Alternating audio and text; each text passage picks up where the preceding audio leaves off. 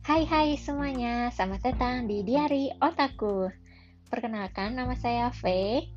Uh, Sesuai dengan judulnya Ini aku lebih ke arah pengen sharing-sharing aja Tentang pemikiran aku Ya perasaan aku juga sih uh, Mengenai kejadian sehari-hari yang aku alami.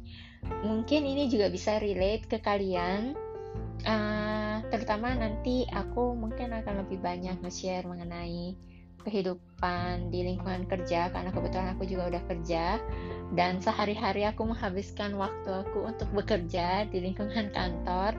Jadi hmm, mungkin ini bisa relate buat kalian yang uh, juga karyawan seperti aku atau buat kalian yang pengen terjun ke dunia kerja mungkin kalian juga bisa mendengar hal uh, apa sih uh, kira-kira yang akan terjadi di, di lingkungan kerja memang nggak semuanya sama seperti yang aku alami ya. Jadi ini pure uh, dari pengalaman aku pribadi dan pure ini mengenai pemikiran aku pribadi, perasaan aku pribadi.